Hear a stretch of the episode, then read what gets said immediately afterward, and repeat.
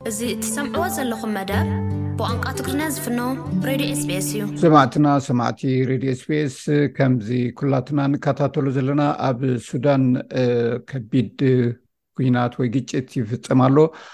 ኣብ መንጎ እዚ ብዙሓት ሲቪላውያን ክቕተሉ ይኽእሉ እዮም ዝብል ስግኣት ብዝተፈላለየ ማዕከናት ዜና ይግለጽ ኣሎ። ብኡ ኣመልኪቶም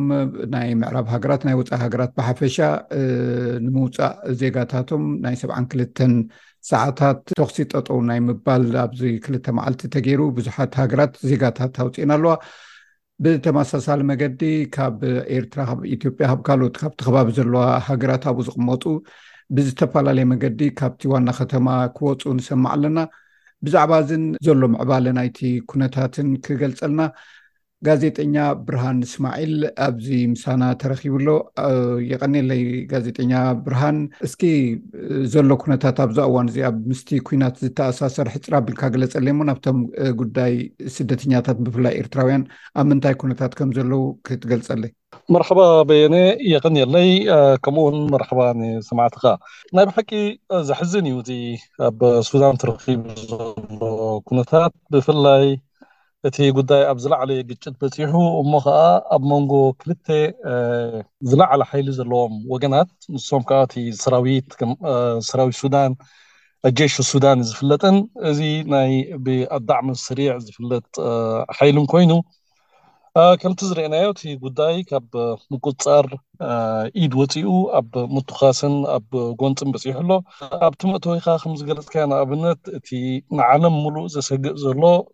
ካርቱም ዓባይ ከተማ እያ።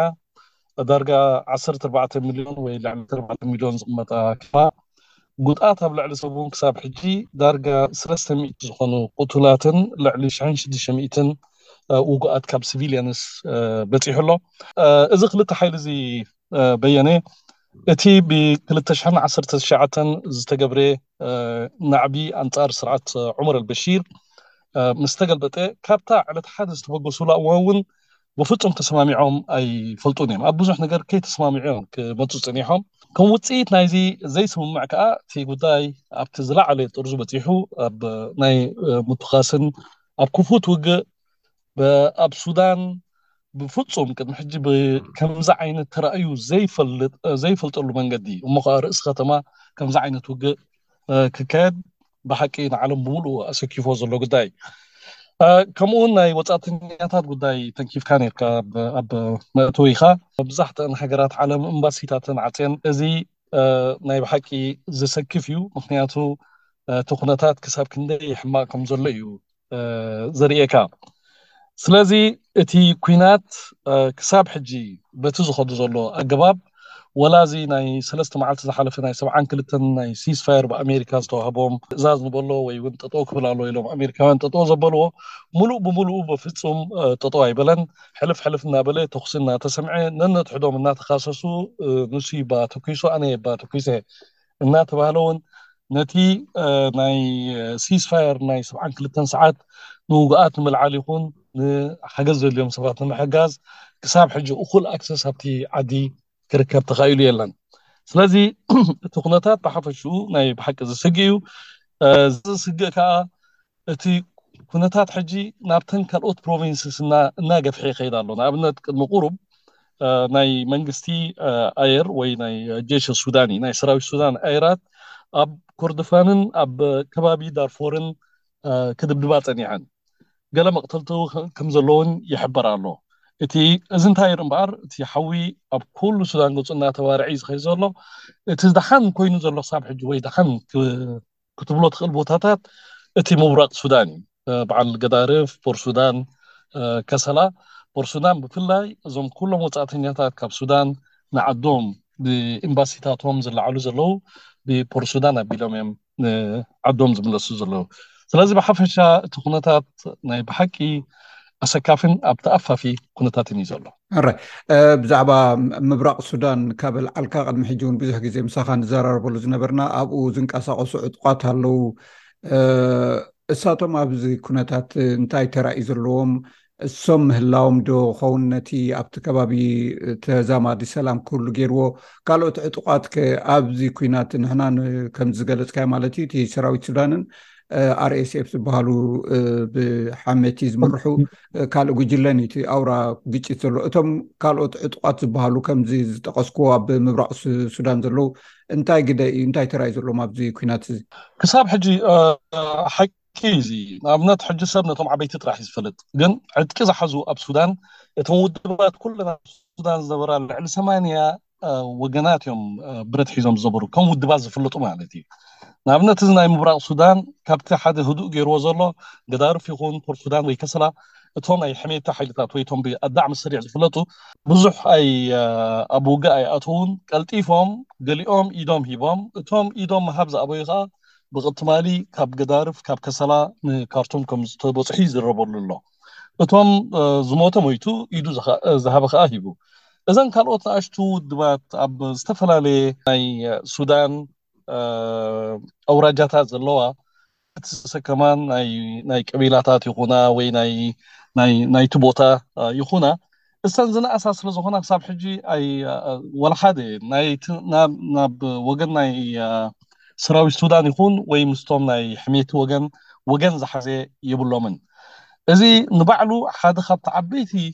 ዘሰክፍ ንቕድሚት ማለት እዩ እዚ ውግእ እንተ ቀፂሉ እሞ ከዓ እዞም ክልተ ዓበይቲ ሓይልታት ወይ እዞም ክልተ ሓያላት እዚኦም እናተዳኸሙ ኣብ ዝኸዱሉ እዋን እቶም ንኣሽቱ ብረት ዝሓዙ ሽዑ እዮም ክቀላቐሉ ክጅምሩ እዚ እውን ናይ ብሓቂ ካብቲ ዓበይቲ ስክፍታታት ዝገድፍ ኣብዚ ዝኸይ ዘሎ ኩነታት ናይ ናይ ሱዳን እዩ ግዲኦም ግን ኣብዚ እዋን እዚ እንታይ ይገብሩ ኣለዉ እንታይ መልሶም እንተልካ ኣዋጃት የውፅኡ ነተን ክልቲአን ወገናት ንኣልቡርሃንን ንሕሜትን በጃኹም እዚ ውግእ እዚ ጠጠው ክብል ኣለዎ ኣብ ጣውላ ተመሊስኩም ክትዘራረቡ ኣለኩም እናበሉ ከም መንጎኛታት ዘይኮነስ ከም ሃገራውያን ከምኦምን ከም ሰቦምን እዮም ፃውዒታት ጥራሕ እዮም ዘቕርቡ ዘለዉ እምበር ዝኾነ ይኹን ብረታዊ ኣክሽን ወይ ብብረት ኣብ ጎንፂ ዝኣተውሉ የለን ኣራይ ክልቲኦም ሕጂ ወገናት ብኣልቡርሃን ዝምራሕ ናይ ሱዳን ሰራዊትን እቲ ሓደ ሰራዊት ድማ ናይ ርኤስኤፍ ብሓሜቲ ዝምራሕን ኣብቲ ሓይሊ ከመይ ኣሉ ክሳብ ሕጂ ገለገለ ወገናት ኣብቲ መጀመርያ እዋን ናይ ሓመቲ ሰራዊት ብዙሕ ክቕፅል ኣይክእልን እዩ ዋሕዲ ሰራዊት ኣለዎ እቲ ሓደ ድማ ናይ ኣየር ልዕልና ስለ ዘለዎ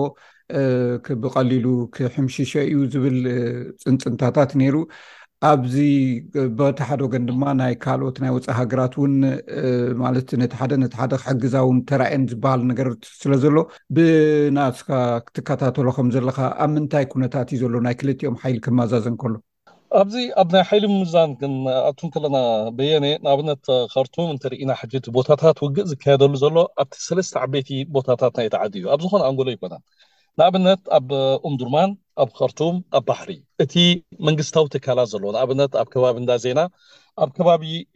ኣብቲ ናይ ናይ መንግስቲ ፓላስ ዘለዎ ቦታን ከምኡ እውን ኣብ ኤርፖርት ናይ ዓለም ለኻዊ ማዕርፍ ነፈርቲ ካርቱም ሜይንሊ ኣብዚ ኣርባዕተ ቦታታት እዩ እቲ ውግእ ዝካየድ ዘሎ ኣብዚ ሰዓት እዚ እከለ ይሕይላ ሓይና እከለ ይስዕር ኣሎ ዝብልሉ ኩነታት ብጣዕሚ ከቢድ እዩ ምክንያቱ ምርኣይ ጥራሕ ርኢና ክንዛረብ እንተደኣ ኮይና ኦፍ ኮርስ እቲ ሰራዊት ወይ ጀሽ ሱዳኒ ናቱ ብዙሕ ብልጫታት ኣለዎ ንኣብነት ልዕሊ እቲ ሰብዓን ኣይራ ኣለዎ ኣለዎ ድብድብ ቦታ ውግእ ዘካየዱ ባዕሉ ፃዕቂ ናይ ህዝቢ ስለ ዘለዎ ከምድላዮም ከምቲ ኣብ ካልእ ቦታታት ወይ ኣብ ክፉት ቦታ ዝካየድ ውግእ ክንድም ክውቕዕዎም ኣይክእሉን እዮም እዞም ኣብ ዳዕሚ ሰሪዕ ከዓ ናይ በረኻ ሓይሊ እዮም ኩሉ ግዜ ኣብ ህጁምን ኣብ ጉያን ዝጥቀሙ እዮም ሙሉእ ሂወቶም ብከምኡ እዮም ክዋግኡ ኣሕሊፎሞ ናብ እስይቅ ናብ ካርቱም ምምጽኦም ሕጂ እውን ኣብ ካርቱም እቲ ምንቅስቃስ ናቶም ይቅልጥፍ ወላ ኣብ ቲቪ ይኹን ኣብ ገለ ክትርኢ ከለካ ብብዝሒ ምንቅስቃስ ናይ ኣዳዕ ምስ ሰሪዕቲ ብንኣሽቱ ቦክስስ ገይሮም ብቀሊሉ ካብ ቦታ ናብ ቦታ ክንቀሳቀሱ ይኽእሉ እቲ ሰራዊት ናይ ሱዳን ግን መዓስከራት ዘለዎ እሞ ቦታ ዘለዎ ሰራዊት ዝኾነ ኣብ ውሽጢ ከተማ ልክዕ ከምዞም ናይ ሕሜቲ ሓይልታት ብሞቶ ሳይክል ይኹን ሕጂ ወረ ድሒሮም ኣብ ዝሓለፈ ክልተ መዓልቲ እንተተዓዚብካ ሞቶ ሳይክል እገ ሓዊሶም ኣለዉ እቲ ከክልተ ሰባት ብረቶም ተሰኪሞም ብሞቶ ሳይክል ካብ ቦታ ናብ ቦታ እናተንቀሳቀሱ ሓደ ካብቲ ነቲ ሰራዊት ሱዳን ሙሉእ ብሙሉእ ናይ ምቁፅፃር ኢሉ ተርእየሉ ክኢሉ ዘየለ ምክንያት እቲ ውግእ ናይ ጎደናታት እዩ ኮይኑ ዘሎ ኣብ ውግእ ናይ ኩነታት ኣብ ኩሉ ግዜ ሕሳብ ናይ ሲቪልያንስ ምእታው ኣሎ፣ ሕሳብ ንኣብነት ናይ ናይ ሰርቪስ ዝህብ ቦታታት ከም ሆስፒታላት ምሳሌ ንኣብነት ሕጂ ኣብ ኻርቱም ዳርጋ ሓምሳን ሸውዓተን ሆስፒታላት እየን ነይረን ካብዘን ሓምሳን ሸውዓተን ሆስፒታላት ሰላሳን ሽዱሽተን ሆስፒታላት ኦፍሮት ኮይነን ኣለዋ ዝኾነ ይኹን ሰርቪስ የቕርባ ኣለዋ ምክንያቱ ገሊኣን ብሃውናት ገሊኣን ብጥይት ኩሉ እቲ ቦታታት ገሊኡ እውን ምስሪቑ ይበሃል እቲ መሳርሒ ናይቲ ናይቲ ሆስፒታላት ሕጂ ከም ኖርማል ርኡይ ክትርኢ ከለካ እቲ ናይ ኣዳዕሚ ስሪዕ ዝሓየለ ይመስል ግን ኣብ መሬት ሙሉእ ብሙሉእ ብፕሮፓጋንዳ ክብሉ ከለዉ ኣዳዕሚ ሰሪዕ ንኣብነት ሕጂ እቲ ናይ መንግስቲ ፓላስ ኣብ ትሕቲ ምቁፅፃርና ኣሎ ብሉ መንግስቲ ቲቪን ሬድዮን ኣብ ምቁፅፃርና ኣሎ ይብሉ ኩሎም ኣለና ይብሉ ኣለዉ እቲ ኣተሓሕዛ ንኣብነት ሕጂ ኣብቲ ናይ ሰንትራል ጋቨርንመንት ኣብቲ ኣልቀስሪ ጀምሁር ዝበሃል ወይ እቲ ፕላስቲ እንተ ርኢኻ እቲ ደቡባዊ ወገን ናይ በዓል ሕሜት ኣለዎ በቲ ምብራቃዊ ወገን ከዓ እቶም ናይ መንግስቲ ኣለዉ ኩሎም ኣብቲ ኣፍ ደገ ኮይኖም ሪፖርት ክህቡ ትሪኦም ስለዚ እቲ ኩነታት ንባዕሉ ብሩህ ዝኾነ ስእሊ ኣይህበካን እዩ ዝዋን እዚ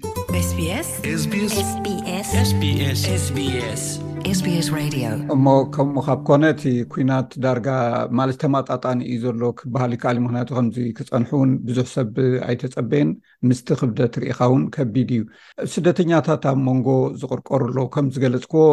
ወፃእተኛታት ብብዝሒ ይወፁ ኣለዉ እስኪ ኣብኡ ዘለዉ ናይ ከባቢና ህዝብታት ኣብ ምንታይ ኩነታት እዮም ዘለዉ እንታይ ስጉምቲ እዮም ዝወስዱ ዘለዉ ኸ እዚኣ ፅቡቕቲ ሕቶ ሕጂ ንኣብነት ንሕና ከም ኤርትራውያን ብብዝሒ ስደተኛታት ኤርትራውያን ስለ ዘለና እቲ ናትና ወገን የሰክፈና ብዛዕባኡ ንሓስብ ኣብዚ ሰዓት እዚ ግን በየነ ብሓፈሻ እቲ ኩነታት ንኩሉ ሓደ እዩ ኩሉ እዩ ዳርጋ ስደተኛ ኮይኑ ዘሎ ማለት እዩ ዋላ እቶም ደቂ ዓዲ ይኹን ዋላ እቶም ስደተኛታት ውግእ ስለ ዝኾነ ግን ብፍላይ ነቶም ወፃእተኛታት እሞ ከዓ ስደተኛታት ኤርትራውያን ከመይ ይመስል ኩነታቶም እንተልና ኣብ ካርቱም ሓቂ ሓይሽ ብጣዕሚ ሕማቕ እዩ ነይሩ ኩነታቶም ወላ ቅድሚ እዚ ውግእ ምጅማሩ እውን ተኸታቲልካዮ ትኸውን ገለ ግፋታት ነይሩ ሕልፍ ሕልፍ እናበልካ ናይ ህዝቢ ምብስጫው ነይሩ ሕጂ ከኣ እዚ ውግእ መጺኡ ገሊኦም ውን ብበራሪ ዝሞቱ ኢትዮጵያውያንን ኤርትራውያንን ኣብ ገዛ ኣብ ገጾም ኣብ ዓራቶም እንከሎ ዝሞቱ ኣለዉ ሕጂ እንታይ እዩ እቲ ኩነታት ነቲ ስደተኛ ናይ ዕጽፊ ወይ ናይ ድርብ ጸገም እዩ ዝፈጥረሉ ምክንያቱ ሕጽረት ናይ ገንዘብ ኣሎ ካብ ካርቱም ከሰላ ክትከይድ ሎሚ ዳርጋ ሓምሳ ሚልዮን ዳርጋ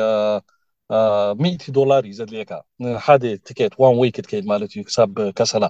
እዚ ገንዘብ እዚ ክንዲ ዝኸውን ገንዘብ እውን ዘለዎ ሕብረተሰብ የብልናን ሕጂ ግን ካብቲ ዝተረኣየ ነገራት ኣብ ዝሓለፈ ክልተ መዓልቲ እንተሃልዩ ወላ መንግስቲ ኤርትራ እውን ንኤርትራውያን ብድልየቶም ማለት እዩ ካብ ካርቱም ክትወፁ እትደልዩ መፂእኩም ብዘይ ይቕሬታ፣ ብዘይ ናይ ይግባይ ወረቐት ምምላእ ወዘተ፣ ናይ ጣዕሳ ወረቐት እዝን እዝን እናበሉ ቀደም ምስ ሰብ ዓዱ ክኸይድ ላዕልን ታሕትን እዮም ዘብልዎ ነይሮም። ኣብዚ ኩነታት እዚ ግን ብስሩዕ መንገዲ ባንዴራ ናይ ኤርትራ እናንበልበለት ኣብ ባስ ተጻዒኖም ብድልየቶም ማለት እዩ ንኤሪትራ ክኸዱ ዝደልዩ ኤሪትራውያን ክልተ ኦቶቢስ ክሳብ ሕጂ ካብ ኸርቱም ንኤሪትራ ከም ዝኣተዋ ይሕበር ኣሎ። ካልኦት እውን ካብ ኸርቱም ንከሰላ ናብ ስድራ ቤታቶም ኣብ ገዳርፍ ዝቕመጥ ኣብ ገዳርፍ ፖርሱዳን ዝቕመጥ ንፖርሱዳን እቲ ዓቕሚ ዘለዎ እዩ እዚ ክንቀሳቐስ ዝኽእል ማለት እዩ። መብዛሕትኡ እቲ ሰብ ግን ኣብኡ ኣብ ትሕቲ እቲ ኣብቲ ኤርያታት ናይ ውግእ ክወጽእ ዘይክእል ሰብ ከም ሰቡ ኣብ ካርቱም ኮፍ ኢሉ ኣሎ። ምናልባት ከም ዝሰማዕክዎ ገሊ ትዊተር ከም ዘንበብኮ እውን ካብቶም ክወፁ ዝፈተኑ ብኣውቶቡሳት ኣብ መንገዲ ናይ ምኽታር ገንዘብ ኣምፅኡ ናይ ምባል ብፍላይ ድማ በቶም ዕጡቋት ናይ ሓመቲ ከምኡ ዓይነት ነገራት ይፍፀሞም ኣሎ ዝብል ዜና ርእ ኣለኹ ሞ ብዛዕባ እዚ ትፈልጦ ኣለካ ድ ብዛዕባ እዚ እውን ኣነ ሓበሬታ ዛዕባታት ኣለኒ ንኣብነት ካብ ሓንቲ ስድራ ቤት ካብ ካርቱም ከሰላ ዳይሬክት እናኸዱ ከምዚ ዝበልካዮ ኣብ መንገዲ ተኸቲሮም ካብቶም ዝነበሮም ወርቅን ካብተን ኣንስቲ ገንዘብን ገለን ናይ ሕሜቲ ካኪ ዝተኸደኑ ወታደራት ተሰሪቕና ክብሉ ይስማዕ እቲ ኣካይዳ ሕጂ ንባዕሉ ከመይ ኮይኑ ኣሎ መስለካ ኣብ ውግእ ከምቲ ንፈልጦ ኩሉ ስለ ዝተሓዋወስ መን እዩ እቲ ስራቂ መን እዩ እቲ ሓጋዚ መን እዩ እቲ ብሓቂ ክሓግዝ ዝኽእልን ዘይክእልን ፈፂምካ ሚሚኻ ክከኣል ስለ ዘይከኣል